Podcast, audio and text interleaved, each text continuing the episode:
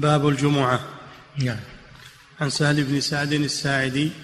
الجمعة صلاة الجمعة يعني صلاة الجمعة وهي شعيرة عظيمة من أعظم شعائر الإسلام. وصلاة الجمعة فرض مستقل ليست بديلة عن الظهر وإنما هي فرض اليوم. فرض اليوم هو صلاة الجمعة. فلو صلى بدلها ظهرا لم يجزي إلا لعذر شرعي لأنها فريضة اليوم وصلاة الجمعة فيها فضل عظيم. قد قال الله جل وعلا يا أيها الذين آمنوا إذا نودي للصلاة من يوم الجمعة فاسعوا إلى ذكر الله وذروا البيع. ذلكم خير لكم إن كنتم تعلمون.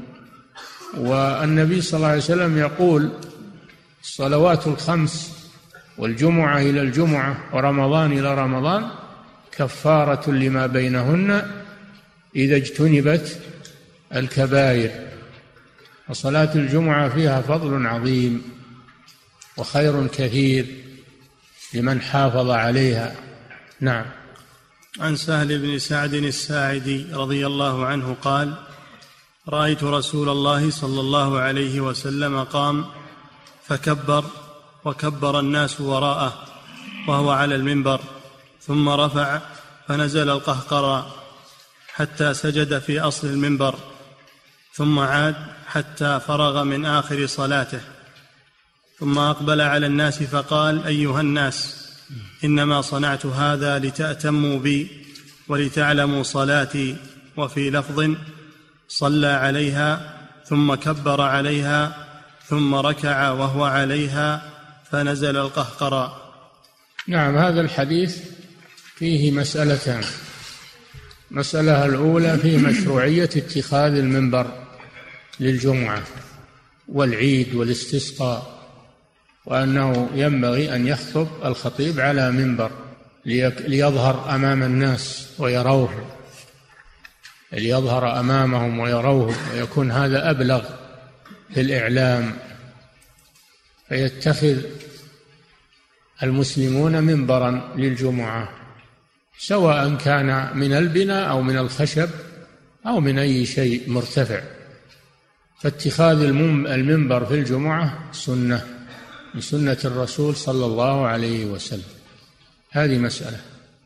المسألة الثانية فيه أن علو الإمام على المأمومين إذا كان يسيرا فإنه لا يضر لأن الرسول صلى الله عليه وسلم صلى على المنبر والصحابة على الأرض فدل على أن علو الإمام إذا كان يسيرا فإنه لا يضر.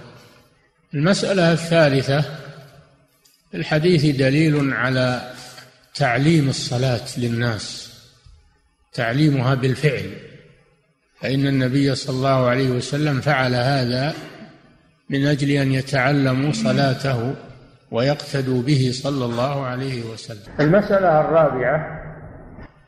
في الحديث دليل على وجوب الاقتداء بالرسول صلى الله عليه وسلم في الصلاة وفي غيرها. قوله تعالى لقد كان لكم في رسول الله أسوة حسنة. وقوله صلى الله عليه وسلم صلوا كما رأيتموني أصلي. فالصلاة تؤدى على صفة صلاة النبي صلى الله عليه وسلم. ولا يزاد فيها ولا ينقص. وصفة صلاة النبي صلى الله عليه وسلم محفوظة ومدونة في الأحاديث الصحيحة حتى كأنك تراه صلى الله عليه وسلم.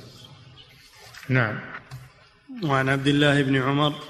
وفي الحديث مسألة خامسة وهي أن الحركات اليسيرة لا تضر الصلاة. فإن النبي صلى الله عليه وسلم كان يصعد وينزل في أثناء الصلاة. دل على أن الحركات اليسيرة لا لا تضر الصلاة. نعم.